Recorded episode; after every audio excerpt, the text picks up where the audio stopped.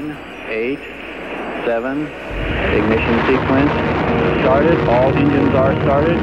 We have ignition. Two, one, zero. We have a liftoff. Welkom bij Sterrenstof, een programma over astronomie en ruimtevaart. Met interviews, het allerlaatste astronomie- en ruimtevaartnieuws en de sterrenhemel van deze maand.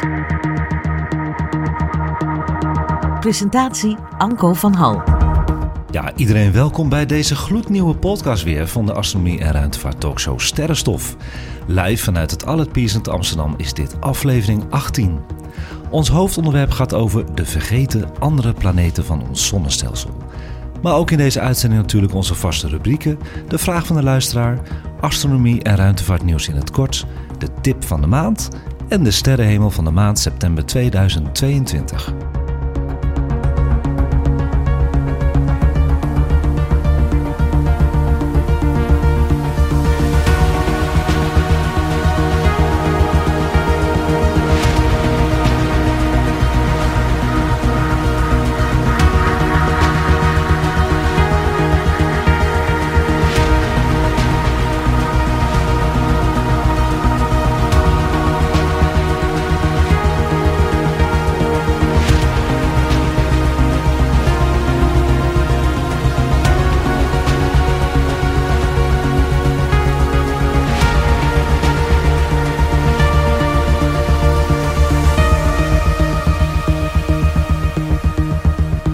Welkom iedereen die luistert naar Sterrenstof in Nederland en België. En welkom iedereen aan tafel die deze maand weer meedoet aan de podcast. En ik heb uh, weer leuke sidekicks aan tafel. Allereerst natuurlijk onze vaste sidekick, mag ik nu wel echt wel zeggen na een ja, jaar. dat mag je wel zeggen. En dat is uh, Abe. Welkom Abe. Hallo, dankjewel. En af en toe aanwezig, op en neer, vind ik heel leuk. Voor de afwisseling is Anneminke. Daar ben ik dan. Dag Anneminke, leuk dat je er weer bent. Ja. Je hebt weer veel te vertellen, heb ik net Ik- gehoord. ja, best wel. Ja. En zijn jullie allemaal op vakantie geweest? Ja, zeker wel. Abe, waar ben jij geweest? Je bent net terug volgens mij. Ja, ik ben gisteren teruggekomen. Gisteren. Ja, Hoe gaat het met je? Zit je hier bij Ja, Sterrenstof ik, zo ja, bij? ja, ik had wel een, even een beetje moeite met mijn bed uitkomen vanochtend. Maar ik ben er en ik ben blij dat ik er ben. Ja. Nee, ik ben naar de, de Italiaanse bergen, Zwitserse bergen geweest. En gisteren ben ik teruggekomen uit een zelfvakantie uit Friesland met vrienden. Dus twee vakanties eigenlijk heb je gehad al. Ja, ja. ja en ik ja, hoorde dat je hierna ook gelijk weer op vakantie gaat. Ja, ik ga volgende week naar Londen. Voor een paar dagen in mijn eentje.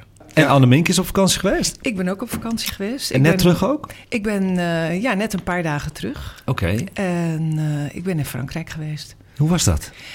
Prachtig. Ja, mooie luchten daar. Ja. Ja, lekker helder ook, hè? Echt heel helder. We zaten echt ongeveer in het midden van Frankrijk. Ja. Eh, net iets boven de Auvergne. En eh, ja, het was eh, Gaan we het zo over hebben. sterren. Want ik, dat bedoel ik vallende sterren. Jij hebt wel een goede teaser. Want we hebben ook eh, aan tafel, eh, dat is altijd een, niet een vergeten planeet, maar wel een vergeten sidekick eigenlijk een beetje. Dat is Erik. Erik, hallo. Erik wil nooit wat zeggen, maar die zwaait nu. En Erik is ook op vakantie geweest, dat weet ik. Ook naar Frankrijk, toch? Ja, hij knikt ja. Dus we zijn allemaal op vakantie geweest, behalve ik. Ik heb doorgewerkt, zielige. Maar ik ben natuurlijk ooit naar Sint Maarten geweest, een paar maanden terug. Een paar maanden terug. Nou, anderhalve maand geleden. Oh, nou. Gaat wel snel hoor. Ja, dat gaat wel snel. Maar goed, ervaring van augustus. Mensen zitten er vol van. Ik heb ook twee verslagen binnen gehad, audioverslagen van mensen die ook Vallend Ster hebben gezien. Maar jullie gaan voor, want jullie zitten aan tafel. dus wie wil beginnen? Wat hebben jullie gezien aan de hemel in augustus, jongens? Begin jij maar, Anneminke. Ehm, nou, heel veel sterren in ieder geval. Ja, in Frankrijk op zo'n camping en je kijkt omhoog. En daar liep ik dus echt in het aardedonker Mm. met mijn eh, telefoon en mijn app. En dan liep ik te kijken naar eh, de sterren. ja.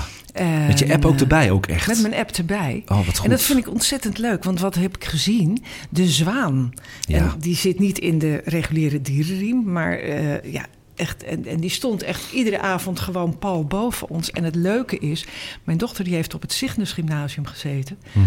En Cygnus is een Is zwaan. zwaan.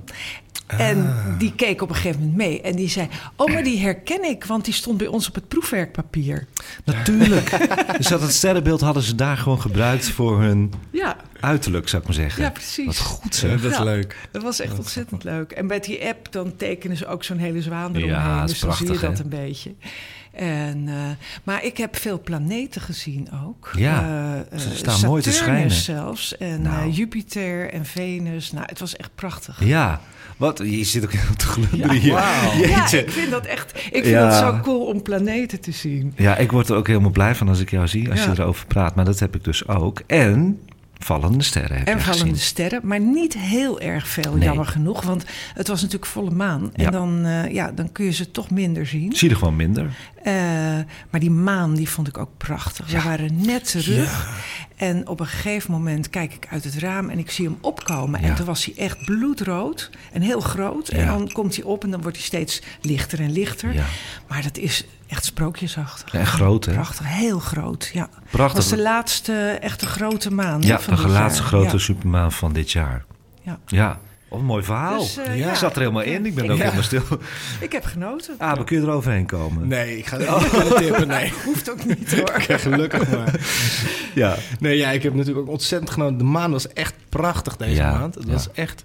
Het was echt heel erg mooi. En natuurlijk de Van de Sterren. Maar dat was, dat was eigenlijk zo'n beetje eh, nationaal nieuws. Dus daar Mhm. ontkwam je ook niet aan. Mhm. En ik zat in Friesland en in Zwitserland. Waar je gewoon hele mooie, heldere hemels hebt. Heb je wat gezien van qua vallende sterren? Ja, maar ik moet zeggen, het, wel minder dan ik gehoopt had. Ja. Maar ik had misschien mijn verwachtingen een beetje hoog zitten... Mhm. door en de vorige aflevering... En doordat het in het nieuws was dat ik dacht... oh, dan ga ik lekker in het gras liggen naar boven... op Ja. mooie plekken. En nou, ik heb mooie hemels gezien... maar niet zoveel vallende sterren als dat ik hoopte.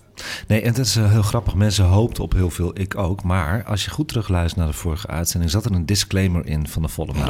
Maar daar wilden mensen niet van op aan. Nee, ik ook niet. We hebben gewoon geprobeerd om de 60 te zien. En we hebben eigenlijk rond de 8 tot 10 gezien iedereen. Dus, Ja. eh, dus prima. Nou, mijn ervaringen zijn bijna hetzelfde. Dat is heel opvallend. Jullie zaten in het buitenland, ik in Nederland. Maar die maan in Nederland was ook ongelooflijk. Dus op 11 augustus kwam die zo mooi aan in Amstelveen. Of op, zou ik maar zeggen. Ook als een hele grote gele oranje ballon was dat. En hij was toen op 11 augustus 99,7% vol. Heb ik mijn statief genomen, mijn Nikon D5000 reclame, krijgt er geen geld voor. Op het statief gezet, foto's gemaakt met de bomen ervoor van Amstelveen. Die foto op Insta-story gezet, op Sterrenstofnieuws. Het was maar een hele normale foto van een maanopkomst. Maar iedereen ging naar buiten daardoor. Ja. Dus dat ga ik vaker doen. Ja. Dat ga ik vaak doen. Een dag later, inderdaad, was het zover. De vallende sterren. Ik heb er acht gezien, waarvan eentje zo bijzonder mooi was met een staart. Dus Oh, wauw. er kwam er eentje voorbij zoeven en die liet een, eh, een staart eh, achter van denk ik wel twee seconden. Dus dat was heel Ah, mooi. En dan roep ik ook mooi. altijd heel hard, dus dat echo tussen die flats allemaal door. Ja. Maar dat maakt me dan niks uit. Dat was mijn ervaring. Maar, wat ik al gezegd heb, we hebben twee verslagen binnen. Irene kon er vandaag niet bij zijn, maar ze heeft wel wat ingesproken. Daar gaan we nu naar luisteren. Ah, fijn. Het was dus ehm 12 augustus. Alles stond klaar voor middernacht, voor 23 uur. Eh, telescoop, verrekijker, dekens en eh, vooral ook een hoodie vanwege de muggen. Maar uiteindelijk, eh, vanwege de volle maan, hebben we weinig sterrenregens gezien. Een paar staarten. Dus we zijn vooral de volle maan gaan bekijken. En die was wel weer prachtig. Zelfs nog eruit geweest tussen drie en vier s'nachts. Dat was ook wel weer heel erg mooi, maar vooral die volle maan die in de weg zat. Maar toen, zondagnacht, dus twee nachten later, kwam de maan veel later op. En toen heb ik een paar prachtige vallende sterren gezien. Met een ontzettende mooie staart en een mooie poef aan het einde. Dat was echt prachtig. En wat ik heel leuk vond, een paar dagen later, kreeg ik van een vriendin een tip dat zij gewoon een klamboe ophing in een boom en daaronder ging zitten met haar partner. En dan gingen ze vanuit daar sterren kijken. Nou, dat plan ga ik natuurlijk enorm lenen, want eh, die muggen waren wel een beetje een spelbreker. En eh, nou, die klamboe ga ik ophangen, zeker ook als dat nodig mocht zijn in oktober of december voor de komende sterrenregens. Ja, en eh, hartstikke leuk. We zitten allemaal te lachen, want leuk, zij vertelt ook echt het Ja. verhaal als een eh, stemactrice. En jij zit te knikken met die Ja. klamboe, Annemieke. Ja, want die foto heb ik ook gezien. Ik ken, haar, ik ken haar ook. En het was echt heel grappig. Gewoon een, eh, zo, zo'n tuinstoeltje, zo'n lekker lui tuinstoeltje met een klamboe eroverheen. Is wel een goed idee, vind je En niet, toen dacht ik van, dit vind ik echt ongelooflijk leuk idee. Dat ga ik. Nou, ik denk dat volgend jaar zitten we allemaal eh, Onder de klamboe. Onder de klamboe buiten, ja. Misschien moeten we met z'n allen op vakantie een keer. Ja. Lekker sterren kijken. Klamboes Ja, why not? Sterrenkijkvakantie. En een andere vaste luisteraar van Sterrenstof, David Sandbergen, zag ook iets heel speciaals tijdens het Perseïde kijken. Hey Anko, nou we waren dit weekend op de camping eh, in het midden van Nederland, waar het sowieso al een stuk donker is dan het eh, Westland waar ik zelf vandaan kwam. Dus wij hadden al een stijve nek van ehm, het constant naar boven kijken, naar de sterren. Maar natuurlijk ook die prachtige vallende sterren tussendoor. En eentje, die was zelfs eh, helemaal blauw. Dat was op eh, zaterdagavond. Hij kwam in een flits voorbij, maar een beetje lichtblauw. En de staart was ook lichtblauw. Ja, heel indrukwekkend en ja, prachtig. Ja, dat lijkt me ontzettend mooi. Heb ik nog Ja, nooit wat gezien. magisch. Ik heb wel opgezocht waar dat Ja, heb je vandaan daar komt. Ja, daar ben ik wel benieuwd Ja. naar. Nou, de kleur van dit lichtverschijnsel is afhankelijk van de snelheid en de samenstelling van chemische stoffen in de meteoor. Bevat de meteoor veel natrium bijvoorbeeld, dan zal hij een oranje-geel licht afgeven. Is het licht helder geel, dan bevat de meteoor veel ijzer. En als die blauw is, wat David heeft gezien, dan bevat hij weer veel magnesium.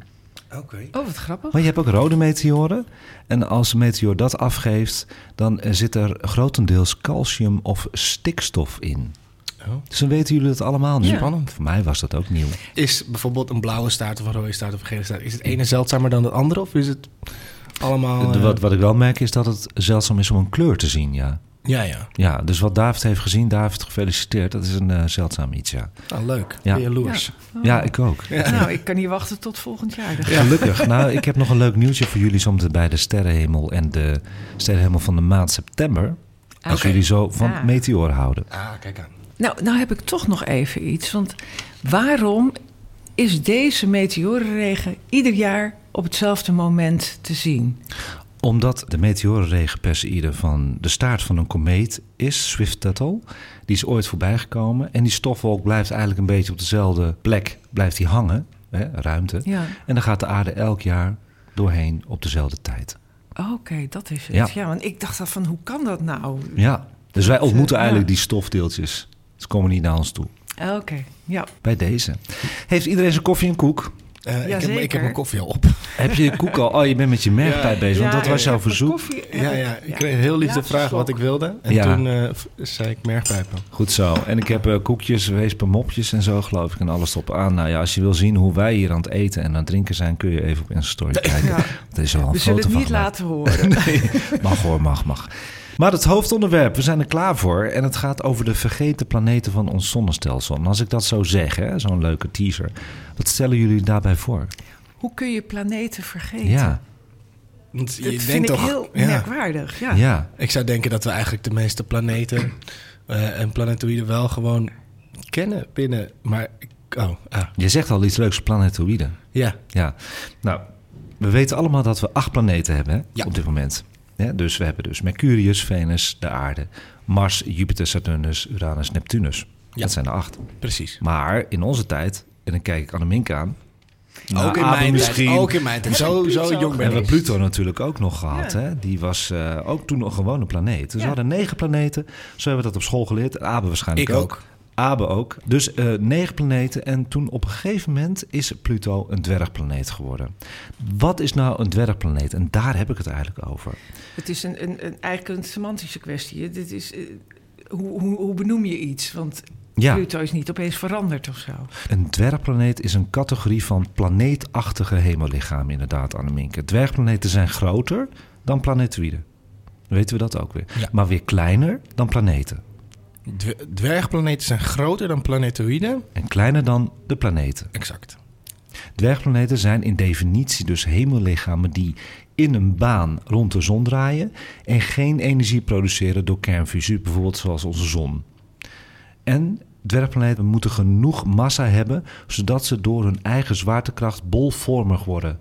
En ze moeten geen satelliet zijn, dus geen satelliet van een planeet. Dat zijn dwergplaneten. Oké. Dus ze draaien om de zon, voor ons dan, in Ja. ons geval. Ja, het zijn gewoon eh, eigenlijk hetzelfde als de gewone planeten. Alleen, een kleiner. Alleen kleiner. Ja. Ja, En planetoïden zijn nog kleiner. de planetoïden zijn nog kleiner. Ja. ja. Moeten ze ook ehm, rond zijn? Ja, in principe wel. Of nou, het mag ook eivormig zijn, maar in ieder geval wel ronde vormen. Ja. Ja. Een leuk feitje daarin is dat elke bekende dwergplaneet die ik zo ga opnoemen in ons zonnestelsel is kleiner dan onze eigen maan. Ah, Grappig, oh hè? is wel klein, ja. Wist ik dus ook helemaal niet. Ja. De meest bekende dwergplaneet is natuurlijk onze mooie Pluto. Ja. Ja. Nou, die werd pas in 1930 ontdekt. Hè, En ik heb al gezegd, in mijn tijd en jullie tijd, en dan heb ik het over de jaren 70, 80, 90, hebben we gewoon geleerd dat Pluto een van de negen planeten was. Maar in 2006 was dat voorbij. Pluto werd gedegradeerd als dwergplaneet en Pluto heeft vijf manen, waarvan de grootste Charon zoveel massa heeft dat Pluto en Charon rond een gemeenschappelijk zwaartepunt draaien dat buiten het oppervlak van Pluto zelf ligt. Wow, wat vet. Ja, waardoor beide hemellichamen door sommigen als een dubbel dwergplaneet worden gezien. Wat grappig. Dus dat is een heel interessant Ja. iets. Nou ja, eigenlijk is dat dus ook zo. Ja, eigenlijk is dat gewoon zo, ja. Pluto is heel interessant hoor. Ja. Er zijn in totaal vijf maanden van Pluto dus bekend. Charon, Nix met een X, Hydra of Hydra, Kerberos en Styx met een X. De eerste onbemande missie naar Pluto, dat weten jullie nog wel, werd ondernomen met de NASA-ruimtezonde New Horizons. Met aan boord een klein deel van de as van de in 1997 overleden ontdekker van Pluto, Clyde Tombaugh. Ja. Wist ik dus niet. Nee, wist Schandalig. niet. Ik wist dat niet. cute. Ja, Waanzinnig, wat leuk. ja, het ruimtevaartuig werd gelanceerd op 19 januari 2006 en was pas op 14 juli 2015 na een reis van dus meer dan 9 jaar bij de dwergplaneet op een afstand van 12.500 kilometer. Er zijn dus gedetailleerde foto's gemaakt van Pluto en Charon. En die foto's kun je gewoon lekker bekijken nu op onze Instagram. Leuk. Ja, het Sterrenstof Nieuws, laat ik die er even bij nemen voor jullie. En dat is een, eh, een mooie foto met Garon erbij. Dat is de ware grootte in verhouding. Oh, die foto. Heb, Oh, heb je deze wel eens gezien? Heb jij deze, heb jij deze lang geleden geplaatst of niet? Twee eh, uitzendingen terug. Dus jullie Ja. moeten even een beetje scrollen en Ja. dan zie je dat. Ja, je ziet dus inderdaad Pluto met een rode vlek onderop en een, eh, en een maantje linksboven in de hoek. Ja, Wauw. mooi hè? Ja, heel erg mooi. Die kleuren vind ik ook zo Ja, mooi. zijn prachtig. Beetje Ja. roodachtig. Zijn- Is dat wit? Zijn dat wolken? Nee, dat witte zijn de lage vlakten van eh, Pluto met ijs. Oké. Ja. Oh, er is water dus. Er is ook ijswater en zelfs een atmosfeer. En Dat dit hadden is ze niet een gedacht. echte foto. Dat is een echte foto van. New Horizons. Ja, het is fantastisch. Prachtig. Geweldig. Ja. Maar goed, dan hebben we dus Pluto behandeld. Dat is een bekende dwergplaneet geworden. Niet en, per eh, se vergeten ook. en die is niet per se vergeten, maar de rest dus wel. Want die kennen jullie denk ik helemaal niet. Nou, ik moet- zou ook niet weten wat hij op moet noemen nu. Waarschijnlijk niet, nee. En dat vind ik toch wel echt vergeten. Vinden jullie niet? Ja, Ja. zeker wel. Vind ik ook. En die gaan we dus nu gewoon even naar boven halen. De Internationale Astronomische Unie, oftewel de IAU, erkent officieel vijf dwergplaneten in ons zonnestelsel. Pluto dus, Eris, Ceres, Makemake of Make-Make en Haumea. Bijzondere naam. Ja, ja, zal ik ze allemaal wel even lekker behandelen? Ja, dat Ja, vind ik maar. een leuk idee.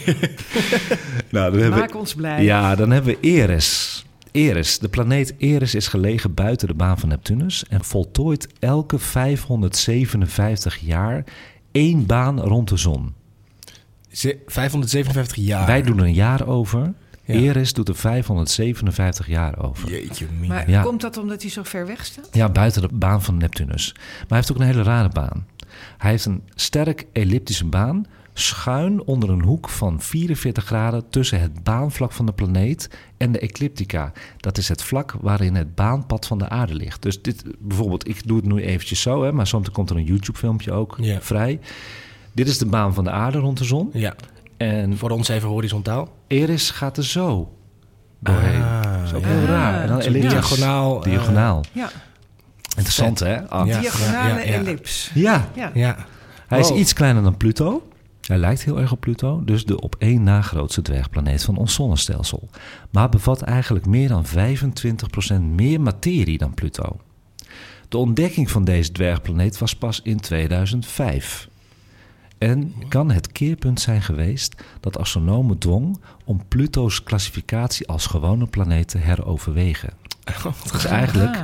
eigenlijk Oh, is de hebben schuld van Eris. Ja, eigenlijk hebben we hier de boosdoener dat Ah, Pluto een planeet, geen planeet kijk. meer is.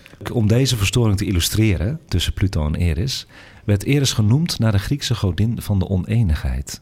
Oké. Leuk hè? Ja, ja, hartstikke leuk. Ja. Eris wordt ook wel een Plutoïde genoemd. Dus Pluto is best wel stoer. Hè? Jullie worden gewoon op genoemd naar mij. Pluto-achtige. Nou ja, omdat de IAU besloten heeft om alle trans-Neptunische dwergplaneten Plutoïden te noemen. Oké. Dus die vijf waar ik het nu over heb, zijn ook Plutoïden. Dus geen asteroïden, geen planetoïden, Plutoïden. En omdat Eris zo ver weg is, zijn er helaas geen oppervlaktedetails te zien met de huidige instrumenten.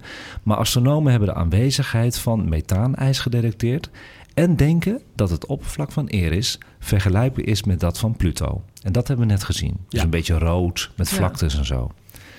Om Eris draait een maan. Die is gefotografeerd door de Hubble. En die heet Dysnomia, vernoemd naar de dochter van de godin Eris. Ah. Dus moeder en dochter Moeder en dochter. draaien om elkaar heen. Ja, ik zeg, het is wel tijd om de James Webb daar op te richten eigenlijk. Nou ja, dat, dat wilde ik net vragen. Ja. Van, kan die daar eh, geen meer gedetailleerde foto's van maken? Nou, absoluut. Dat moet gewoon En ook wel, atmosferen Ja. detecteren. Als hij dat al bij exoplaneten gaat doen, dan gaat hij dat ook bij Eris doen. Wat leuk. En weet, weet wel of, of we gewoon voor de verbeelding... of Eris nu juist heel ver in zijn, eh, eh, als in zijn elliptische baan om de zon... of juist heel ver van de zon staat of dichtbij? Ja, dat kunnen ze nu bekijken, ja. En volgens mij, ik ga nu een YouTube-filmpje op onze sterrenstof eh, YouTube zetten. En daar zie je ook precies waar hij op dit moment zich bevindt. Leuk. Dan hebben we de tweede planeet, vergeten planeet van de vijf. En dat is Ceres. En Ceres is het grootste object in de asteroïdengordel tussen de banen van Mars en Jupiter. Dus dat is weer een dwergplaneet die helemaal niet zo ver weg staat bij de Kuipergordel, maar die gewoon heel dichtbij staat. Wat grappig zeg. Ja, vind ik ook zo zonde dat hij dan niet wordt gerekend tot gewoon een planeet. Ja. is toch doodzonde? Hoezo is dat zonde? Dat zou ik je zo vertellen. Oké. Want Ceres is ook heel tof. Ceres is tof. En zometeen mogen jullie trouwens wel gaan beslissen welke van de vijf jullie het leukste vinden. dus goed luisteren. Ja, ja, bring it. Kijk, deze dwergplaneet alleen al bevat ongeveer een derde van alle materie die in de gordel wordt gevonden. Hè, de asteroïdengordel tussen Mars en Jupiter. Zijn bijna bolvormige vorm betekent dat dit rotsachtige, ijzige lichaam niet als een asteroïde wordt beschouwd. Terwijl de meeste dwergplaneten rond de zon draaien aan de uiterste randen van ons zonnestelsel, is Ceres de enige die zich binnen de baan van Neptunus bevindt. En het duurt Ceres 4,6 jaar om één reis rond de zon te voltooien. Dat is vrij normaal. Ja. Dus Ja. hoe dichterbij, hoe Tuurlijk. korter de Is baan. korter dan 557 jaar? Zeker weten, ja. Kijk, wetenschappers vermoeden dat deze unieke dwergplaneet misschien zelfs een oceaan van vloeibaar water heeft, verborgen onder een laag ijs. Vandaar dat ik zeg, maak het in godsnaam een gewone planeet. NASA's Dawn-ruimtevaartuig werd in 2007 gelanceerd en kwam toen in een baan rond Ceres na eerst de nabijgelegen asteroïde Vesta te hebben waargenomen.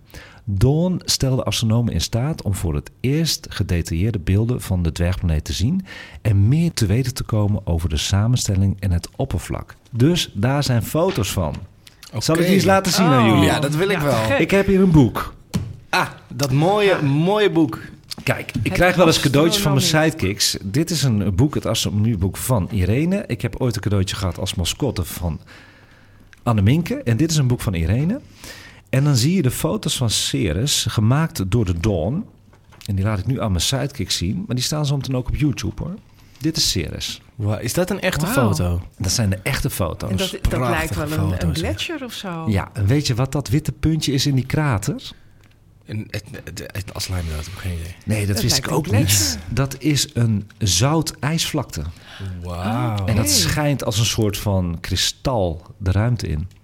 Wat vet. Ja, vind ik ook heel bij Salt vet. Lake City. Ja. eh, ja. Heeft, heeft deze ook een soort tilt eh, in verhouding tot de baan van de aarde om de zon? Nee, deze is vrij normaal. Vrij normaal. Dus, oké. Ja.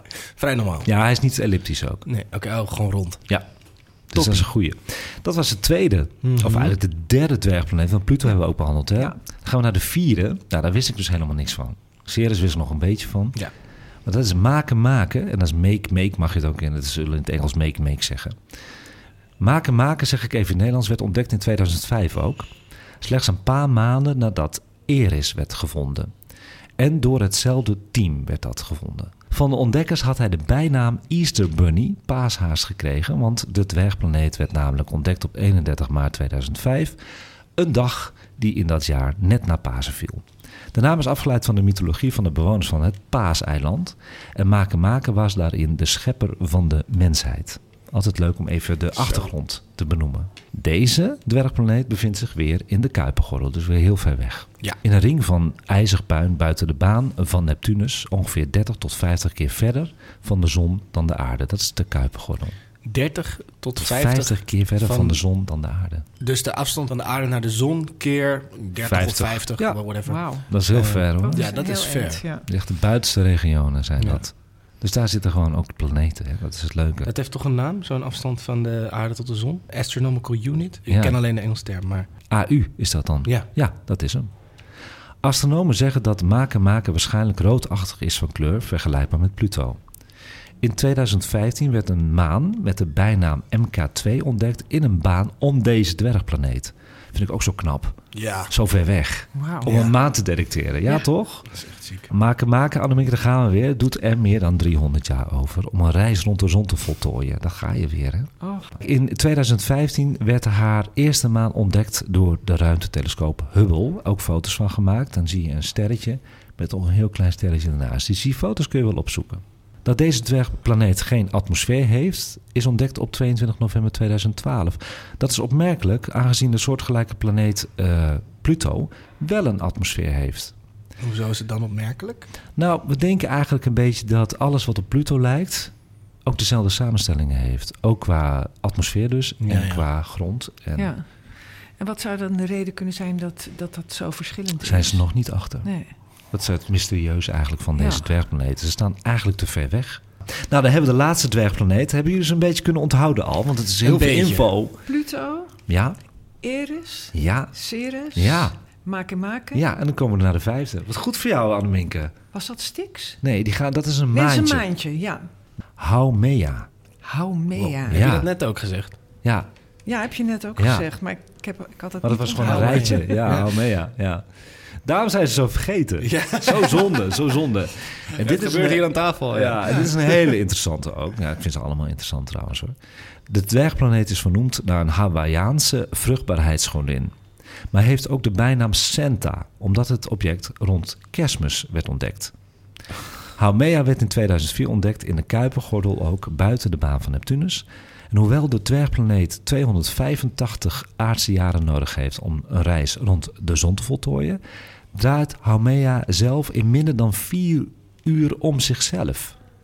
Dus een hele snelle. Wat Wij een, wat een nerveus, eh, Nerveus dingetje. Ja. Ja.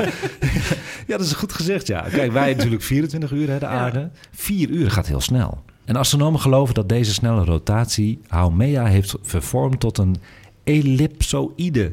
Dat is een eivormige planeet. Omdat hij Nou, dat zo snel draait. Ja, ja. het gaat helemaal niet goed met het ding, joh. Er wordt echt een ei daarvan. De diameter is waarschijnlijk 1150 kilometer, dat is de helft van Pluto. Het oppervlak lijkt op dat van Pluto's maan Charon. Die hebben we net ook gezien. Ja. Ja. Die is wat minder rood, wat meer bruin. Deze dwergplaneet heeft twee manen, hebben ze ook al kunnen ontdekken. Dat is Hiaika. De bijnaam is Santa's Little Helper, oftewel Rudolf. ja, en Namaka. En die bijnaam is Blitzer natuurlijk. Dus dat is wel heel gezellig gedaan natuurlijk. Ja. In 2017 ontdekte een groep Spaanse astronomen dat Haumea een grote planetaire ring bezit met een breedte van 70 kilometer en een straal van 2287 kilometer. Dat betekent dat deze dwergplaneet de eerste is met een ring. Dus hetzelfde als Saturnus in ons zonnestelsel. Wat grappig. Dus ik vind dat ook wel een echte planeet. Vinden Ja? jullie niet? Ja, Ja. ik vind het ook wel heel bijzonder dat er één ontdekt is met paas en eentje met kerst. Ja, dat is een puur toeval. En Ja. vandaar die bijnamen, die ook heel sterk worden gebruikt trouwens. Ja. We lachen er nu een beetje om Santa en die bijnamen Rudolf. Maar dat wordt ook echt gebruikt. Want Ja. ja, wijze namen vinden veel mensen toch wel moeilijk Tuurlijk. uit te spreken blijkbaar. Ja. Hou mij. Maar wat ik, wat ik Vind me het afvraag... Ja, ik ook. ehm, die die Ha- Haumea, toch? ja, ja, mag je Die, zeggen. die ja. draait zo snel, Hmm. waardoor het wat eiervormiger wordt of wat ellipsvormiger. Ja. Maar betekent dat dan ook, kijk, net als een, een, een ballerina bijvoorbeeld die draait en Mhm. die trekt de arm in, dan gaat ze sneller draaien. Deze planeet, die wordt nog smaller. Gaat die nog steeds sneller draaien of is dat niet eh, hoe het werkt? Dat hebben ze nog niet gezegd. Dat- Ik heb, Oh, een ik- goeie, Ik heb ja. dat is een hele goeie. Misschien kunnen we dat allemaal als luisteraar nog een keer gaan bekijken. Ik heb deze planeet heel erg onderzocht. Hè, heel veel gegoogeld op Amerikaanse sites, ook heel veel. Ja. Dat heb ik nog niet gehoord. Maar dat vind ik wel een interessante. Ja. Misschien kunnen we daar Het- zelf het allemaal naar klinkt heel kijken. logisch. Ja. ja. want ik denk ook van als hij nou steeds maar zo snel blijft draaien, Ja. dan, dan wordt hij dus ook inderdaad steeds dunner. Ja, misschien wordt het wel zo- zo'n... Ja? En Zo'n sigaar. uiteindelijk, Wie weet wat er eh, gaat gebeuren. Uiteindelijk eh, heb je een soort lint. Zo ver gaan we door. ja. Ja, het zou zo maar kunnen. Maar het duurt nog wel een paar duizend jaar Ja. of langer. Spreekt tot de verbeelding dit, vind je niet? Ja. vind ik heel ook. erg. En Zoals je net in het begin van de aflevering zei, is dat Pluto eh, begin jaren 30 werd ontdekt. Ja, klopt. Eh, is het dan ook zo, want nu een paar van die planeten zijn in 2005 ontdekt, be- begin Ja. 2000, ik weet niet zoiets. Ja. Zijn er niet eerdere nog een soort van observaties gedaan waarbij men niet wist wat het was en dan bleek het in 2005, oh, dat is een dwergplaneet of een, of een planetoïde? Ja, goede vraag. We dachten altijd dat er tien planeten waren in ons zonnestelsel. Ja. De negende was Pluto en de tiende konden we maar niet vinden. En dat is Eris. Ah, Ja, Maar wat grappig. We dachten dat er tien waren Ja. en die tiende konden we niet vinden. Nee. Maar hoe kun je nou iets vinden waarvan je niet zeker weet wat het had te er is? maken met meetverschijnselen, zo Oh, moet het zien. ze, ze maten van alles, Precies. maar ze konden niet de bron daarvan vinden. Exact, dus eh, qua metingen en informatie moesten er een tiende zijn. En die konden Ja. we niet vinden. En Oh, daarom is het pas heel laat ontdekt door onze technieken die vooruit zijn gegaan. ja, precies. Ja, goede vraag. Dank je. En ik heb er zomaar een antwoord op kunnen geven uit Ja, mijn dat hoofd. doe je even heel eh, Ja. casual, eh Anko. Goed, ehm, ja, dan is de vraag... als we dus nu vijf dwergplaneten hebben eh, gevonden... is het einde dan niet zoek? Door de techniek die vooruit gaat... door alle telescopen die we de ruimte insturen... zijn er dan nog meer dwergplaneten te ontdekken? Nee, je, je hebt toch altijd die hele speculatie over Planet X, maar ik weet niet of we daar Ja. helemaal in moeten duiken. Eigenlijk is die Eris Planet X geweest. Dat hebben ze nu zo'n beetje. Dat is de tiende planeet was Ja? Planet X, ja. Maar ze zijn nog steeds bezig hoor, want er is nog zoveel te zien. Kijk, sommige andere planetoïden, waar jij het eerst al over had, zijn ook bijna bolvormig. En zouden daarmee voldoen aan de nieuwe IAU-criteria. En dat zijn Vesta, Pallas en Hygiea. Net als Ceres werden ze van hun ontdekking tot de late jaren 1850 aangezien voor planeten. Wat ook spannend is, in de verre gebieden van het zonnestelsel bevinden zich een negental objecten die mogelijk ook de status van dwergplaneet kunnen krijgen als aangetoond kan worden dat ze door hun eigen zwaartekracht bolvormig zijn. Ze draaien wel om de zon heen. Ja, dat zijn er negen al, dus dat is heel En- spannend. En zijn er nu ook, wat jij net zei, van Mhm. nou ja, toen ik vroeg van, maar hoe weet je nou dat er iets is als, als het er niet is, of als je het nog niet gezien hebt? Maar eh, zijn er ook nog magnetische velden en krachten ergens in het, eh, in het zonnestelsel waarvan onduidelijk is waar het vandaan komt? Ja, dat is bij de, bij de Kuiperbelt weer, Ja, maar dat staat dus heel dat, ver weg. Dat, dat zouden dus. Ja, dat zouden die eh, negen ja. kunnen zijn Ja, daar. Oké. Ja, maar die, kijk, die, dat is een beetje moeilijk nu, hè? want er is nu een onderscheid gedaan van dit is een dwergplaneet, dit is een planeet, dit is een planetoïde. Maar ja, sommige plane planetoïden zijn ook bijna rond. Dus hoe ver kun je gaan? Blijft een grijs gebied misschien. Ja, dus sterrenkundigen voorspelden dan in 2006 dat er daardoor tot 53 nieuwe dwergplaneten bij zouden kunnen komen. Zo.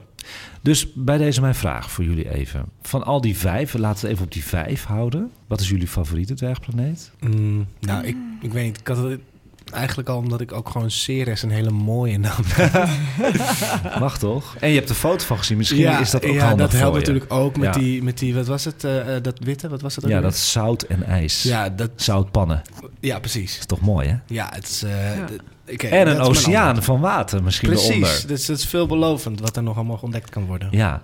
Annemieke heeft een ander. Ik voel het. Ja, ik, ik, ik neig toch nog het meeste naar Pluto, geloof ik. Vind je het toch mooi? Ja, ja met, die, met die prachtige maan. Ger, Ja. Gerso, Charon. Charon. Ja.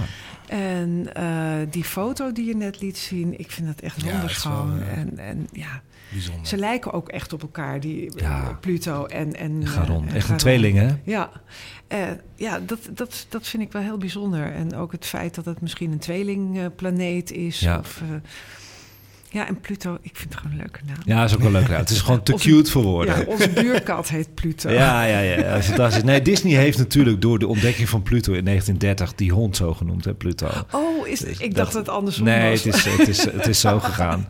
Ja, het kan ook andersom worden. Ja. Het is hartstikke leuk. Ja, en onze Nee, buren hebben de kat zo genoemd. Oh ja, ja, het is natuurlijk een hele leuke naam. Nee, mijn favoriete is de laatste. Hou mee aan. Want ik vind het bijzonder dat hij eh, eivormig is. En dat, hij een ring heeft. standje. Opgewonden standje, lekker snel, lekker hysterisch. En dan ook nog een ring hebben. Alles op en eraan. Gewoon alles compleet hebben. Ja, nee, snap ik ook. De ja. stoerste van de vijf. Vinden jullie dan trouwens ook, dat is nog de laatste vraag van het hoofdonderwerp. Want ik zit er heel diep in. Ik vind het een heerlijk hoofdonderwerp. Vind je dat deze vijf gewoon erbij betrokken moeten worden? Dus dat we in plaats van de acht, de god, dertien planeten hebben. Wat vinden jullie? Ik weet niet in hoeverre het voor mij heel veel toevoegt. Of, stel nou, er wordt ineens een planeet die we nu in ons zonnestelsel hebben gedegradeerd tot een dwergplaneet. Ik weet niet, het is niet een kandidaat, maar zou ik ook denken, oké, prima. Of zo. Dus Mhm. ik weet niet of er, als er nou eentje bij komt, of ik dan denk, woehoe. Het betekent wel veel als er iets bij komt. Want dan gaan ook alle boeken veranderd worden op school. Er komen er posters bij met al die mooie foto's die wij mooi vinden van de dwergplaneten. Ja, ik vind het, ik ben natuurlijk een romanticus. Ik zou het wel willen, vijf erbij. Ik vind ze namelijk alle vijf verschillend. Ja, ja. Maar ja, wat, wat Abe zegt van ja, wat voegt het toe? Ik moet zeggen dat ik het wel heel erg jammer vond dat eh, Pluto uit het rijtje Ja. van de planeten viel. Hoezo? Want toen jij ze net opnoemde, toen dacht ik, ja, maar ik mis Pluto. Ja, ja En dat is, ik- dat is het gewoon... was nog niet eens zo tot me doorgedrongen. Toen Maar dacht ik, hé, wat jammer nou. Ja. Maar, en waarom weet ik niet hoor. Ah, het is gewoon puur eh, eh, gewoon Gevoel. Ja, van hij, hij zat er altijd bij en nu opeens mag hij niet meer meedoen. Dus eh, een beetje dat gevoel. Ja, en die generatie natuurlijk na 2006 weet niet beter dat er acht planeten zijn. Dat is zo grappig, hè? Maar ik vind het een beetje, ja, ik vind het jammer. Ik vind het jammer. Ik zou Pluto er sowieso bij willen hebben, maar ook die Ceres die heel groot is. Eris is ook groot. Maar, waar, ook, maar want, want uh, Anneminke weet niet precies waarom ze het jammer zou vinden als er een, Mm. als een planeet... Waarom vind jij het jammer of leuk als een planeet bij of weggaat? Naast dat het misschien in de educatie voor, voor de nieuwe generatie op een bepaalde manier wordt aangeleerd. Nou, omdat deze vijf toch echt, omdat ik me ook in verdiept heb, gewoon echt planeten zijn. Ook met een atmosfeer en zo. De meeste dan. En ook helemaal niet zo heel erg klein zijn als dat je zou denken bij een dwergplaneet. Dus ook wel echt een, waar je echt op kan staan. Maar ook echt een, waar je ook kan leven in principe. Waar je basissen kan zetten. Kijk, een planetoïde of een asteroïde is gewoon een rotsblok die zo snel gaat. De horizon is heel dichtbij. Dus dat is gewoon een rotsblok. Ja. Dit zijn geen rotsblokken. Dit zijn gewoon echt sferen. Dat zijn werelden. Ja, ja. Maar jij Ja. vindt dus, dus de, het titel planeet eigenlijk, eigenlijk een soort van meer waarde hebben Ja, ten opzichte van... dwer- Het is bijna een soort van, ze verdienen het. Ja, ja, ja maar hey, ik denk dat Abe het Het is heel een stuk goed... steen, eh, Anko. Nee, dat is het niet. Nee, nee, nee. En het is heel goed. Dan gaan Abe en ik weer heel goed in discussie. Daar moet hij elke uitzending erbij zijn. Het is geen stuk steen. Sorry, ik hou misschien een beetje de romantiek weg, maar... Ja, maar die hou ik wel vast hoor. dat, dat, dat, dat, dat hoort er wel bij. Nee, dat is mijn mening natuurlijk. Ja, ja, tuurlijk. Annemink heeft een andere mening. Abe heeft een andere mening. En wat is jullie mening, luisteraars? Ik hoor het graag op Ja, de DM. ik ben wel benieuwd of, er, eh, of Ja. mensen het zien als een stuk steen. Of Ja. dat ze denken, nou, maar ze zijn zo lief en ze, dit, ze verdienen wel wat. Ja, ik ben wel Nou een lieve ja, ze jongen. hebben Dus ik meer vind het- eigenschappen dan alleen een stuk steen. Ja. Dus dat onderscheidt ze natuurlijk sowieso. Ja. Ik breng het wel heel plat Ja. nu, maar... Ja, maar dat vindt Abe ook wel leuk. We ja. hebben ook wel een keer een UFO-uitzending gehad waar hij ook heel plat was. Dus dat is heel goed. Die discussie komt dan wel los. Dat is Ja, goed. precies. Dus bij deze luisteraars, wat vonden jullie van het hoofdonderwerp? Deel me even. En, en vertel mij ook of je het fijn vindt of de vijf planeten erbij komen. Ja, ik ben de volgende aflevering wel benieuwd of, eh, of er wel antwoorden op Dan gaan we zijn. daarop Ja, terugkomen. maak een poll. Dan gaan we een poll maken. Die Ja. kunnen we Ja. doen. Bij deze. Oh, en er is koffie. Heerlijk. Daar gaan we eventjes ruimte voor maken. Koffie van het café bij Albert Pierson. Aanrader. Heerlijke cappuccino hebben we besteld. Heerlijke koffie, dank u wel. Deze voor jou, Anko. Ja, dankjewel. Alsjeblieft. Nou, die koffie, daar gaan we ook goed op, hè? In Ja. onze uitzending, toch? Het is echt heerlijk. Ja, en het is weer tijd voor de vraag van de luisteraar. Iemand heeft een hele leuke vraag ingestuurd. En die luidt als volgt. De vraag is van Joris. En die vraagt van hoe regent het eigenlijk op andere planeten en andere werelden? Oeh, dat is best wel een interessante vraag. Hoe regent het? Ja, hoe er regent moet er het? wel water zijn natuurlijk. Nou, denk jij, hè? Ja. Het kan toch ook iets Nee. anders regenen? Nee. En dat is juist zo leuk. Maar Kijk, hoe nu, dan? nu al discussie. Hoe dan? Jeetje, wat zitten jullie erin, zeg. Ongelooflijk. Kijk, hoe meer wetenschappers weten over wolken en neerslag op andere planeten, hoe beter ze planetaire klimaten kunnen voorspellen. En het vroegere klimaat op planeten zoals Mars of de Saturnusmaan Titan kunnen onthullen. Kijk, nu hebben onderzoekers dus vastgesteld dat ze aspecten van regendruppels op andere planeten en manen in ons zonnestelsel kunnen berekenen, inclusief hun vorm, hun valsnelheid en verdampingssnelheid. Knap, hè? Vind je Dus zo je- knap? Ze kunnen eigenlijk gewoon, je kan het gewoon helemaal voor je zien bijna Ja. als je weet hoe het is. Ja, en hoe kun je dat nou voor je zien? De regen die we dus op aarde tegenkomen bestaat, zoals Anneminke zei, uit waterdruppels natuurlijk. Maar dat is niet noodzakelijk het geval op andere planeten. Bijvoorbeeld op Venus, daar regent het ook. En dat is zwavelzuurregen. Maar het verdampt voordat het de grond kan raken. Ah, door de, door de hitte? Door de hitte, ja. En door de grond die zo heet is ook. Ja. Ja, Heb je een goede paraplu nodig? Zeker weten. En die, eh, ja, maar Die het is, overleeft het ook niet. Het is ook onmogelijk om op eh, Venus te staan, Nee. hoor, trouwens. Die ruimtevaartuigen die een paar keer geland zijn... die hebben ook maar een uur overleefd of twee uur. Echt? Ja, Gaan die meteen kapot door dat... die gaan eh, kapot door alles daar. Dus door de hitte, door de zwaartekracht, die is heftiger... door de druk, alles. Dus zo'n zo'n hele missie daar naartoe waar allemaal geld en allemaal tijd in wordt Drama. gestoken. Er zijn een paar foto's gekomen van Russische ruimtevaartuigen... van het landschap van Venus. Die heeft geloof ik maar een kwartiertje bestaan. What? Wow, dat wist ik Venus niet, is met recht de hel. Als je ernaar kijkt, is het de schoonste en mooiste planeet aan de hemel, de helderste. Maar eigenlijk is het de hel. Wauw. Ja, zeker weten. Dan eh, heb je ook neerslag op Mars. Hoe denken jullie wat de neerslag op Mars is? Ehm, nou, Mars is wel water. Ja, in welke vorm? Dan zit je er ook ja, dichtbij. ijs. Ja, hè? Dus het ehm, is kooldioxide of droog ijs. Dat kennen jullie wel van de aarde, droog ijs. Ja. Ja. Dat drijft naar beneden als sneeuw op Mars. Dat is de neerslag op Mars. Daar is het Ah, natuurlijk heel koud, hè? Dat is een Ja. koude woestijn. Dat drijft naar beneden als sneeuw op... oh, Ja. Wow. Dus hoe sneeuw ook drijft, bijvoorbeeld, het dwarrelt dan. En wij noemen dat dwarrelen. Oh. Ja. Ik denk dat je dat op, op Mars eigenlijk kan zien als een soort drijven. Dat het maar blijft door. Maar het slaat Dwarrelen. niet neer. Of, eh, Af en toe wel door de winden natuurlijk. Maar in principe, de zwaartekracht is zo weinig op Mars. De drijven vind ik wel een mooi woord daarvoor. Ah, Ja. grappig zeg. Kijk, Jupiter is een wolkenplaneet, een gasplaneet. Maar daar regent het ook. En die regen is in vorm van helium. Interessant, hè? Heliumregen heb je daar. Ja. Vloeibaar helium. Ja, dus als je de wolken in daalt van Jupiter, er is geen vast Ja. oppervlak, hè, omdat er gasplaneet is, maar je hebt wel een wolkendek, dus atmosfeer, dan regent het helium. Oh, wauw. Ja, Grappig. Ja, er zijn, je hebt vloeibaar helium. ja, grappig hè? een paar van die, van, die, van die moleculen of atomen van stoffen... die je bijna niet over nadenkt... dat ze ook in een andere toestand kunnen bestaan. Daarom vond ik de vraag van Nou, Joris zo leuk. Ja, Ja. dat is zo grappig. Joris heeft gewoon een hele goede vraag ingestuurd. Hè? Dankjewel Joris, Ja. hartstikke leuk. En je hebt op Titan, dat is een maantje van Saturnus, dat is mijn favoriete maantje van het zonnestelsel. Dat weten weten, wij. dat weten jullie. Abe weet het, Anneminke niet. Abe weet alles van bij, blijkbaar Ja. nu. Daar regent het ammoniakhagel en Ja, methaan. Vloeibaar Oh, jeetje. methaandruppels en ammoniakhagel. Ja, Creepy. ja, Oh jee. maar Titan is een mooie maan hoor, want daar zijn wel foto's van gemaakt. Hè. Die heeft een goede dampkring ook, dus Ja. je kan ook een beetje door de dampkring heen fotograferen. En dan zie je, de, ja, zie je continenten en zeeën, maar dan in andere samenstellingen dan de aarde. Je ziet dezelfde rivieren en rivierbergingen en delta's. Hele mooie delta's zie je daar. Maar allemaal eh, vloeibaar methaan en ammoniak. Hebben ze daar heel veel landbouw gehad of zo? Ja, misschien of heel veel Heel koeien, koeien, weet ik ja. veel. Ja. Op Neptunus valt ook regen. Dat vond ik wel heel interessant. En dat zijn gestage regens van kleine, glinsterende diamanten.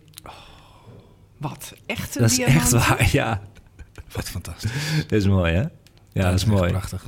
En, En dat was op, eh, eh, op- Neptunus. Neptunus. hè? Ja, Oké, op dan moeten Neptunus. we dus naar Neptunus. Onze Ja. mooie ik, wil een blauwe keer, ja. ik wil een keer een uitzending eh, wagen Ja, of wijden aan de mooie Neptunus. Daar hoor je veel te weinig ja over. inderdaad. Dat vind ik een hele goeie. Ja? Maar Ja, hoe weten ja, ze ja, dat dat diamanten zijn? Nou, de samenstelling van de atmosfeer, eh, nogmaals, hè, wat die wetenschappers kunnen doen. Ze kunnen dus al berekenen de vorm, valsnelheid en verdampingssnelheid. Omdat ze dus alles al weten van die planeten. Hè? ja.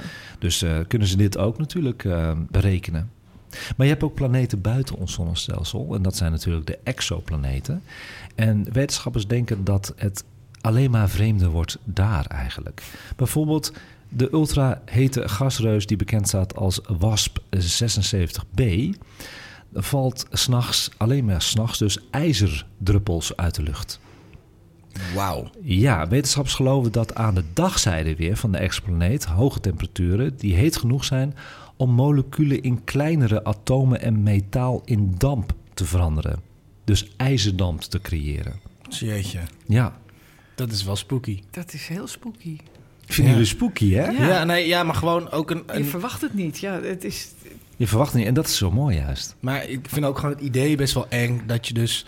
ehm, dat daar in de lucht stukjes ijzer en zo zitten. Ik weet niet. Dat, Ja. want het- kijk, ja, Ja, Omdat is- wij dat is gewoon niet kennen. IJzer Nee. als damp. Dus het Ja, zijn maar niet ook- stukjes. Het is, Ja, maar wel aan de nachtzijde. Ja, ja. Als stukjes. Ja. Oh, dat wel. Ja. Ja. Want snelle winden dragen dit over naar de nachtzijde, waar relatief koelere temperaturen, ja, dat is relatief, hè, 1226 graden Celsius schommelen. De ijzerdamp gaat dan condenseren weer tot wolken, waardoor er regen weer gaat vallen van vloeibaar ijzer. ijzeren wolken. Ja, vloeibaar Vloe- ijzer gaat er vallen. Vloeibaar ijzer als druppels Ja. op de Ja. planeet. De 1226 graden Celsius, dan krijg je dat. Ja, En dat is op de WASP.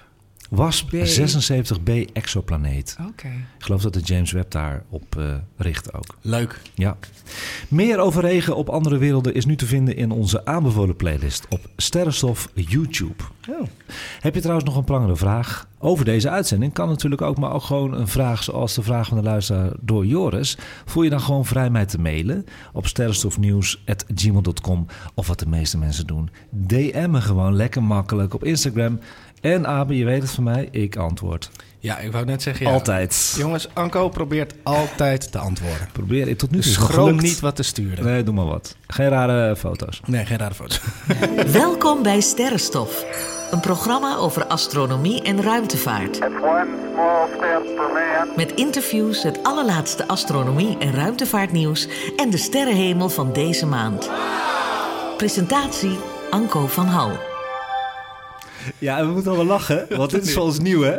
Ja, dit een is nieuw, ja. nieuwe jingle voor Sterrenstof. Hey, is fan?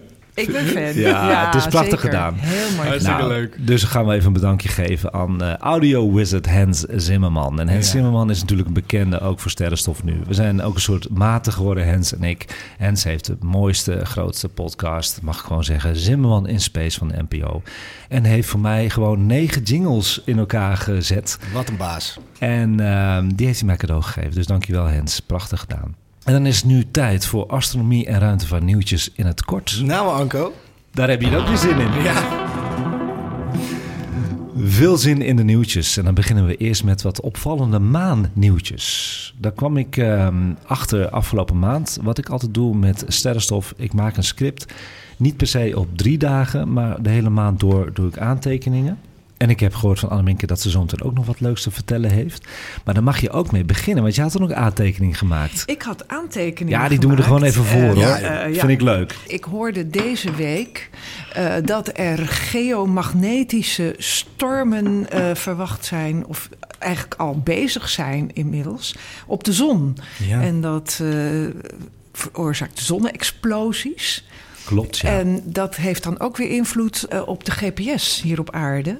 Die kan uitvallen of kan eh, gaan haperen. ja. En eh, het is zelfs zo dat door deze geomagnetische stormen er zelfs in onze, op onze breedte iets van noorderlicht zichtbaar zou kunnen zijn. Nou, dat is heel mooi, want eh, inderdaad, klopt. Ik heb hem ook aangetekend. Gisteren is die aangekomen, die storm. Ik heb het eergisteren op Instagram ook gezet. Vond het wel heel interessant, want waarom was deze interessant? We krijgen altijd stormen trouwens, overigens, Er hè, over altijd ons heen. Altijd. ja. Maar we zitten op de hoogste zonneactiviteit. En deze was bijzonder omdat dit een G3 is. Dus de categorie is eh, van sterkte van de zonnestorm van 1 tot 5. En het is een derde categorie. Dat was vrij groot. Wat betekent dat inderdaad, wat Annemink ook zegt? We konden last krijgen van storingen. Eh, satellietstoringen, maar ook eh, GPS-storingen en alles op en aan.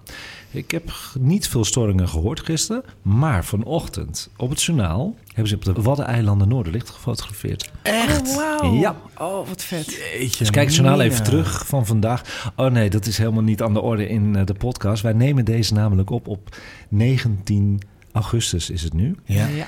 Dus eh, oud nieuws voor jullie die luisteren, maar wel leuk om even te noemen, toch? Ja, Ja. ja, prachtig. Ja, Noorderlicht in op- Nederland. Ja, Noorderlicht in Nederland, dus dat is vrij zeldzaam Ja. hoor. En bij ons zie je dan niet als groene golven. Dus niet zo hoog aan de hemel als bijvoorbeeld in het noorden. En dan zie je van die groene golven zo Ja. gaan. Bij ons zie je het aan de horizon als van die pilaren in het rood. Oké. In het Ja. rood. Ja, Oké. het zijn rode, rood noord- noorderlicht hebben we. Ja. Ja. Heb jij wel eens Noorderlicht gezien? Eén keer in de jaren 80, 90. Heb Hier ik in Nederland. In Nederland, in Veenendaal toen. Had ik mijn sterrenkijker en ook een fotostel. Rond mijn zeventiende was dat. Was er ook zoiets, hè, zonneactiviteit. Dan heb ik hem nog een foto gefotografeerd als een zuil, rode zuil. Oké. Ja. Ja. En jij? ik heb het heel veel gezien zelfs. Want ik heb natuurlijk gevlogen. Oh, en eh, als wij dan een noordelijke route hadden, vooral uit Amerika of zo, weet je, dan, dan vlieg je echt eh, behoorlijk eh, noordelijk Ja. over eh, de aardbol.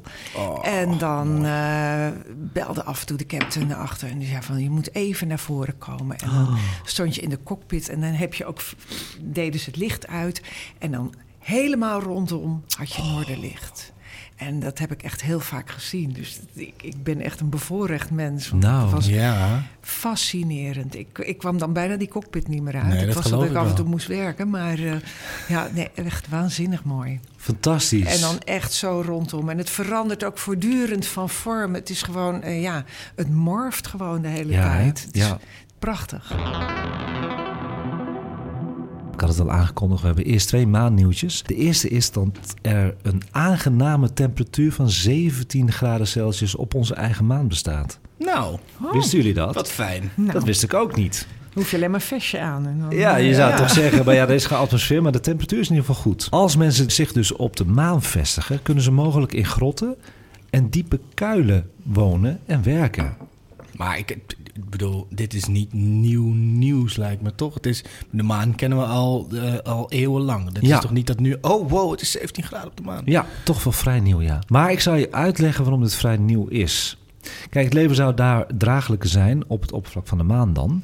En voedsel, wat we dus nu hebben ontdekt dat maangrond gewoon landbouwgrond is, hebben we ook Ja. pas ontdekt, Ja. zou er dan ook beter groeien. Ja. Hoe fijn is dat? De onderzoekers hebben een 100 meter diepe kuil op een basaltvlakte op de maan bestudeerd. De kuil maakt deel uit van de Zee der Rust. Daar hebben de astronauten Neil Armstrong en Buzz Aldrin dus in 1969 gelopen. Een deel van de kuil heeft een overkapping. En in dat overdekte deel, met schaduwen dus, is de temperatuur stabiel. Een stabiele 17 graden boven nul. Mogelijk is die kuil ook de ingang van een soort grottenstelsel. En in het grottenstelsel is ook bepaald dat daar het ongeveer even warm is. Dus ook 17 graden. Kijk. Dus we hebben ontdekt dat we de grond eigenlijk in moeten... of in de schaduwkant van een krater moeten gaan bouwen. Dat is wel nieuw. Het gaat gewoon gebeuren. Het gaat Dus, gewoon gebeuren, ja. De onbedekte delen van dezelfde kuil zijn namelijk veel extremer, net als de rest van de maan. De zon schijnt daar 15 dagen onafgebroken en zonder de remming van een dampkring. De temperatuur stijgt daar naar ongeveer, let op, 150 graden boven nul. Ja, Oké dan. Ik heb altijd gedacht dat de maan koud was. en nou, vervolgens is het 15 dagen lang weer nacht. En dan keldert het kwik inderdaad naar 170 graden onder nul. Oh, Dus het is heet of koud. Dus daarom is het Abe heel Ja. bijzonder dat we ontdekt hebben dat er ook een tussentemperatuur bestaat. Die dus heel menselijk is. Ja. 17 graden is een prachtige Ja. temperatuur. Ja. Vond ik een leuk nieuwtje. ja, zeker. Een andere maannieuwtje, en dat is natuurlijk een ludiek nieuwtje, daar hou ik van, en dat weten jullie. Er worden Lego-poppetjes naar de maan gestuurd met de Artemis-missie. Lego poppetjes. Lege poppetjes. NASA's historische Artemis 1 rond de maanmissie zal op 29 augustus gelanceerd kunnen worden. Ik zeg expres kunnen Zo. worden, want het wordt steeds uitgesteld. Maar dit is dus een rond de maanmissie. Ze landen nog niet op de maan. Het is een testmissie. Artemis 1. Met alleen poppen, hè? dat hoorde ik hen zeggen. Exact, Eh, ja, ja. Artemis 1 is de eerste grote stap van NASA om mensen terug naar het oppervlak van de maan te krijgen. En om er uiteindelijk voor langere tijd aanwezig te zijn. Dus een belangrijke missie. Er zullen geen mensen dus aan boord zijn, Anminke en maar Hens. Lego-poppetjes. Maar Lego poppetjes. Op woensdag kondigde NASA de inhoud van de Official Flight Kit aan. Een culturele en educatieve tijdscapsule die in het Orion ruimtevaartuig zal zijn terwijl het naar de maan reikt. Een klein stukje maansteen, dat vind je dan weer veel wetenschappelijk en interessanter. Ik kijk Abe, ja, wat daar bedankt, houdt hij van. Maansteen van de Apollo 11-missie zal ook meereizen, Abe. Ja, nou, Komt fijn. wel goed, nou, hoor. Dat maakt het helemaal goed weer. Ja, diezelfde, diezelfde rots was ook aan boord van de laatste vlucht van de Space Shuttle trouwens. Maar die andere leuke items die wij wel weer gezellig vinden, Anneminke. Ja, Abe is gewoon veel te serieus. Ja, serieus, is Ja. toch leuk? Ja, dat moet ook kunnen. Eh, in die kit zijn vier Lego minifiguren dus. Een 3D geprint beeld van de Griekse godin Artemis. Maar dat is wel logisch, de Artemis-missie. verschillende boom- en plantenzaden en een kiezelsteen uit de Dode Zee. Vraag me niet waarom. Het laatste nieuwtje, en dan hebben we er geen drie, maar vier gehad, want Annemieke had ook een eigen nieuwtje. Dat is een hele spannende. Ruimteafval van SpaceX stort neer in een Australisch landbouwgebied. Oh, Deskundigen hebben de inslagplaats van dit SpaceX-ruimteafval bepaald in Snowy Mountains. Het gaat om een ruig gebied in de staat New South Wales. En als je de foto's ziet, ik ga hier een filmpje ook op de YouTube zetten... en dan schrik je je kapot hoe het eruit ziet. is het al ik heb gebeurd? het gezien. Heb ik je heb het gezien? Ja, ja, dat was ook weer naar aanleiding van eh, China, die ook weer een raket had afgeschoten. Het is eh, belachelijk. Met geen geleide eh, terugslag, of eh, hoe noem je dat? Het is belachelijk wat je ziet. Het Ja. is een rechtopstaande scherf, breder en groter dan een volwassen mens, die in een heuvel was beland. En de brokstukken behoren tot dus de SpaceX Crew One compartiment. Je zal hem maar op je hoofd krijgen. Hij staat gewoon Dan rechtop. ben je gewoon... eh, ja, dan, dat Hij staat rechtop zwart in de grond. Zo. Nou ja, weet je wat het is? Het Australische ruimteagentschap raadt belangstellenden aan vermoedelijk ruimtepijn niet aan te raken of mee te nemen. Wel kunnen ze via een speciaal telefoonnummer contact opnemen met SpaceX. We zetten ons in, zeggen ze, voor duurzame ruimtevaartactiviteiten op lange termijn. Inclusief een vermindering van brokstukken. Al dus de Australische ruimtevaartorganisatie. Er moeten dus nu echt Nou ja. bedrijven komen en organisaties die hierop gaan letten en het gaan inperken. Want dit slaat helemaal nergens Ja. op natuurlijk. Nou ja, en ook wat, eh, wat, wat China doet eh, met, met die raketten die ze afschieten. Dat Ja. gewoon eh, de hulpraketten eh, Je laat ze ook totaal ongecontroleerd weer eh, Naar beneden laten terugvallen. Ja. We hebben het al een keer over gehad. Vroeger Ja. gebeurde dit ook, maar het werd gecontroleerd om het in de Stille Oceaan te laten plonzen. Wat een eh, bijzondere nieuwtjes heb je vandaag. Ja, toch? Ja. ja, En voor nog meer astronomie en ruimtevaartnieuws kun je altijd weer naar onze Instagram-account op Sterrenstofnieuws. En dan hebben we een keertje, en niet elke maand hebben we dat, de tip van de maand. Want we hebben deze maand een nieuwe sterrenstof extra gereleased. En dat doe ik altijd aan het midden van de maand. Als ik ergens ben geweest of ik heb een extra interview, wordt dat een sterrenstof extra. En dat vinden luisteraars ook wel fijn, want ik krijg eigenlijk wekelijks of maandelijks krijg ik te horen... waarom is sterrenstof maar één keer per maand? Ja. Want elke podcast doet het of één keer in de week of één keer in de twee weken. Ja, Ja. sorry, ik moet tijd inhuren met de studio. En ik moet jullie ook eerlijk zeggen, een sterrenstof-uitzending is veel werk. Ja. En ik vind het ook wel spannend dat mensen wachten eh, elke maand op een nieuwe uitzending. Ja. Ja. Maar ik kan jullie dus wel verwennen af en toe met een sterrenstof extra. De bonusaflevering is net afgeleverd. En eh, dat was een interview, het tweede interview die ik had bij BNN Vara. Het programma vroeg. En dit keer werd het gepresenteerd door Stefan Komduur. En dat is een oud collega van Amsterdam FM. Ook heel leuk. precies. Ja. Ik was daar met eh, mijn maat Hens Zimmerman in april. En sindsdien is er veel veranderd voor deze podcast. En veel nieuws bijgekomen qua ruimtevaartnieuws. En zodoende werden we nog een keer uitgenodigd op 26 juli. Vroeg in de ochtend weer van 5 tot 6 uur live. En ik heb een klein fragmentje. Maar ik kan me wel voorstellen, want jullie zijn hier veel meer mee bezig dan dat ik dat ben. Dat je soms s'nachts in je bed ligt, maar dat je wel eens droomt over wat er dan te zien zou zijn in die andere werelden. En Anko, denk je hier ook wel eens over na? Ja, al door. En daarom eet ik ook echt science fiction films op natuurlijk. Kijk, iedereen eh, vindt het fantastisch om te horen. Hè? Fantastisch, daar zit het woord fantast al in. En denkt ook altijd aan science fiction films met groene marsmannetjes en zo.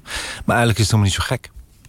Die films zijn gebaseerd natuurlijk wel op wetenschappelijke feiten. En dan uitvergroot tot iets heel fantastisch. Maar het is helemaal niet zo gek. Het kunnen ook planeten zijn bijvoorbeeld die nog in de fase zijn van de prehistorie. Mhm. Maar het kunnen ook planeten zijn die veel verder zijn dan wij. Dus beschavingen die al veel meer en betere technologie hebben. Dus het is heel interessant. Daar fantaseer ik eigenlijk altijd over. Ja. En wordt je omgeving daar niet eens gek van? Eh, vroeger, toen ik jong was, was ik eh, extremer. Nu probeer ik het natuurlijk op een volwassen manier... eh, via mijn podcast naar voren te brengen. En dat is... ja, ik ben wel een blij ei in de uitzending, ja. Ja. ja, dus jullie gaan nog eigenlijk door deze James Webb-telescoop nog meer aanstaan. Want er komt nog meer nieuws Zeker. naar buiten. Zometeen zullen we hierover verder praten. Want deze week blikken we in vroeg terug op uitzingende onderwerpen... die ons zijn bijgebleven vandaag. De nieuwste ontwikkelingen als het gaat over het ruimtejaar 2022. Dat doe ik met twee gasten vandaag. Anko van Hal, maker van de Sterrenstof podcast... en Hen Simmerman van de Simmerman in Space podcast. Zit je te luisteren, heb je vragen? Je mag ze stellen in de Radio 1-app. Vroege vragen. Ja, mijn vraag naar jullie. Worden jullie ook gek van mij? Nee hoor, blij eik. dat klopt helemaal. Nee, Klopt wel, hè, het, ja. het, het, het maakt het juist leuk. Ik bedoel, je Ja. bent een blij ei. Je bent hartstikke enthousiast over wat je vertelt. Ja. En dat maakt ons ook weer enthousiast. Het steekt mij echt aan. En eh, Ja. ja. ik heb tegenwoordig eh, apps op mijn telefoon... waarmee ik naar de sterren kijk. Ja, vind ik fantastisch. ja, je gaat er toch op een andere manier naar kijken. En eh, dankzij jou, Anko. Ja, Anko. Dus, Nou, ik moet eerlijk zeggen dat, dat wij worden uitgenodigd, Hens en ik samen, in de uitzending van BN en Vara. Dat vind ik echt een compliment. Want ja, absoluut. Hens is, is een grote man in de podcastwereld. En, en toch worden we samen uitgenodigd en we hebben heel veel respect voor elkaar. Hartstikke leuk. Ja. En in september, Anko, Ja. wat kunnen we dan allemaal verwachten aan de hemel? Want dan kunnen we de agenda's er weer bij pakken. Ja, dus pak je agenda er maar weer bij. En ik zie, de agenda zijn tegenwoordig telefoons. Ja, agenda's zijn telefoons. En mag Zeker. ik jullie een compliment geven? Want ik merk gewoon dat jullie echt per datum gaan kijken nu naar de hemel. En jullie komen elke uitzending weer terug met wat jullie gezien hebben. Dus fantastisch. Ik heb, ik heb aan mijn ouders voor mijn verjaardag om een telescoop gevraagd, maar ik weet niet of ze erop ingaan. Dan heb ik een leuke verrassing voor je volgende maand. Dan heb ik heel veel leuke telescopentips. Oeh, dan ben ik nog niet jarig volgende maand. Maar... Maar het is wel heel goed voor ja, je, denk maar je ik. kunt je voorbereiden. Ja. Ja, dat is volgende maand, luisteraars. Dus even wachten op de telescopentips.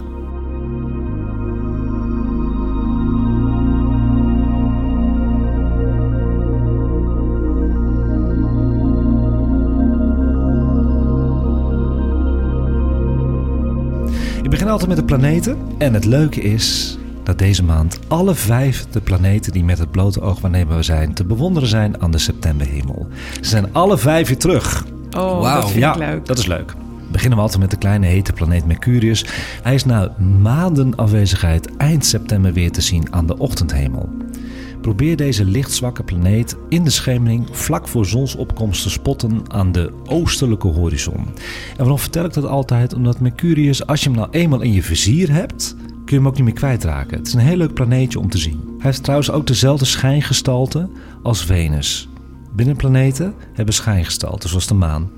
Mercurius heeft dat ook. En wat is, wat is eind september? Wa- Wat kan ik... eh, Vanaf 25 september kun je vanaf kijken. 25. Ook aan de ochtendhemel is de heldere planeet Venus te zien.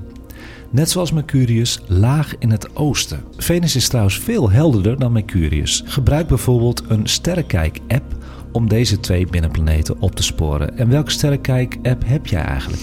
Ja, ik heb er drie, maar ik, ik ben er eigenlijk nog niet helemaal uit. Nee, welke heb je gebruikt op vakantie? Eh, ja, ook alle drie. Ik heb Skyview Light, Sky Ja. Tonight en Starwalk 2. Dat zijn wel de drie beste hoor. Ja? Ja, zeker weten. En, en is dat dezelfde tijd als Mercurius? Ja, dezelfde tijd. Ook aan de ochtendhemel? Twee ochtendplaneten zijn dat nu. Ja, bij elkaar. Nou, dan gaan we naar de rode planeet Mars. Die krijgt een steeds gunstiger plek aan de hemel. Hij komt nu al in de avond op en komt ook steeds dichter bij de aarde. Dat wil zeggen, hij wordt gewoon steeds helderder. Op zaterdag 17 september staat de maan dicht bij Mars. Maar ook de helder oranje ster Aldebaran staat in de buurt. Dat is wel leuk. Dan kun je even vergelijken. Ze zijn alle twee een beetje rood-oranje. Dan kun je een beetje een verschil zien. Mars heeft een rustiger licht, dus die knippert niet. Aldebaran is wat meer aan het knipperen. Dat is echt een ster. Vanaf 17 september tot iets. Ja, maar de 17 september staat dan weer de maan dicht bij Mars. Ah, oké. Ja. Dus kun je hem wat makkelijker vinden. Maar dan zie je dus de maan, Mars en Aldebaran. Aldebaran. Ja. Ja. Op 26 september is onze grote reusplaneet Jupiter in oppositie. En wat betekent dat? Ik heb dat vorige maand ook verteld over Saturnus. Dat betekent dat hij dan recht tegenover de zon staat en de hele nacht waarneembaar is. In de nacht van 11 op 12 september staat Jupiter weer heel dicht bij de maan. In het begin van de nacht zelfs maar 3 graden rechtsboven de maan. Dus een hele nauwe samenstand. Ja. Leuk om te kijken hoor, op 26 september. En eh, ook eh, eh, te zien met het blote oog? Met het blote oog. De 12 en 13 september. 11 en 12 Oh, 11 en september. 12, Ja. excuus. 11 en Jupiter 12. met de maan. Nou, Ja. Jullie vinden de maan altijd heel mooi om naar te kijken. En hoe mooi is het om die heldere Jupiter ernaast te zien. Ja. Saturnus is de hele avond waarneembaar en is het helderste object aan de hemel in het sterrenbeeld Steenbok. Vind je dat nou moeilijk om Saturnus te vinden tussen alle andere sterren? In de nacht van 8 tot 9 september staat de planeet rechtsboven de maan. Maar Anneminke heeft Saturnus gevonden volgens mij via de app. Ik heb hem via de app gevonden. Ja. Hij is niet. uh, met Saturnus zit altijd een probleempje. Saturnus is niet niet helder. Die is helder genoeg. Alleen hij is niet opvallend. Ah. Dus het is altijd leuk om de maan erbij te zoeken of een app erbij te pakken. Ja, en ik zat me af te vragen, hè, want ik kijk dan gewoon met het blote oog. Ja. Ik heb niet eens een verrekijker erbij. Mhm. Maar als je nou een, een telescoop hebt, kun je dan wel de ringen zien? Ja, zelfs al met een kleine telescoop. Oké. Met een verrekijker zie je Saturnus als een eitje. Dan zie je toch niet die scheidingen van die ring. Maar met een telescoop zie je echt een ringetje met de scheidingen. Dus dan zie je toch echt dat er een ring Oh. om de planeet is. Ja. Nou, eh Abe, als jij eh Ja, telescoop papa, mama, hebt, dan, als jullie eh, luisteren, bij deze nog een keer. dan kom ik een keer kijken. Maar ik had jullie ook iets beloofd. Hè? Jullie zijn nu gek op meteoren. Jullie zijn daar wel bewust van. Jullie hebben goede meteoren gezien. Niet veel, maar wel goede. Hè? Nou, in september zijn ze ook te zien hoor. Maar niet zoveel natuurlijk als de Perseïde. Maar je kan toevallig een hele goede zien. Dat zijn de meteoren bijvoorbeeld rond 1 september. Heten de Alpha Aurigide. De Aurigiden zijn het beste te zien vanaf het noordelijke halfrond, dus waar wij zitten. Waar de radiant, dus waar ze vandaan komen, hoog boven de horizon bevindt. Vanuit het sterrenbeeld Auriga, Voerman. Anneminke heeft dus via de app een heel mooi sterrenbeeld gevonden, Zwaan. Nou, met die app kun je ook Auriga vinden. En dan weet je precies waar die meteoren vandaan komen. Dus rond 1 september kun je hele mooie meteoren zien bij de Voerman, bij de Auriga. Ja, Leuk. Ja, is misschien wel heel leuk. En het is nog warm in september, Ja, dus dat is leuk. Ja. Zie je nou een enkele meteoor toevallig rond 9 september, dan zijn dat vrijwel zeker de Epsilon Perseïde. De september Epsilon Perseïde mogen niet worden verward trouwens met de Augustus Perseïde. Want, hoe komt dat nou? Ze zijn afkomstig van verschillende kometen. Aha. Maar ook dit jaar stoort de maan wel een beetje. Tot zover de sterrenhemel van september 2022. Wauw. Genoeg te zien dus. Genoeg te zien weer. En tot zover voor de maand september 2022. Live vanuit het Allerpiezen te Amsterdam. Dit was Sterrenstof. Je kunt mij mailen voor vragen, opmerkingen en tips over astronomie en ruimtevaart op sterrenstofnieuws.gmail.com. En je kunt Sterrenstof natuurlijk ook vinden op Instagram. Volg ons op Sterrenstof Nieuws. Terugluisteren kan altijd via alle bekende podcastplatformen. En natuurlijk wil ik Abe en Anneminke bedanken weer voor de medewerking als sidekicks. Jij bedankt, Anko. Graag Ja, gedaan. dat wou ik Hartstikke leuk weer. Nou, Dankjewel. Graag gedaan, jongens. De techniek was weer in handen van Erik. Dankjewel, Erik. En de heerlijke koffie werd verzorgd door het café Al het Piersen. Iedereen bedankt voor het luisteren. Tot de volgende keer. En kijk eens wat vaker omhoog.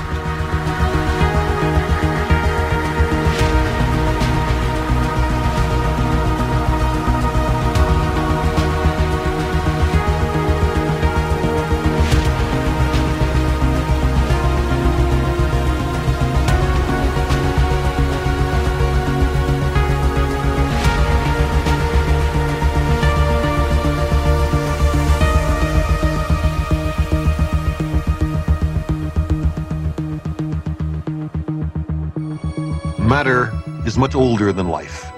Billions of years before the sun and earth even formed, atoms were being synthesized in the insides of hot stars and then returned to space when the stars blew themselves up. Newly formed planets were made of this stellar debris.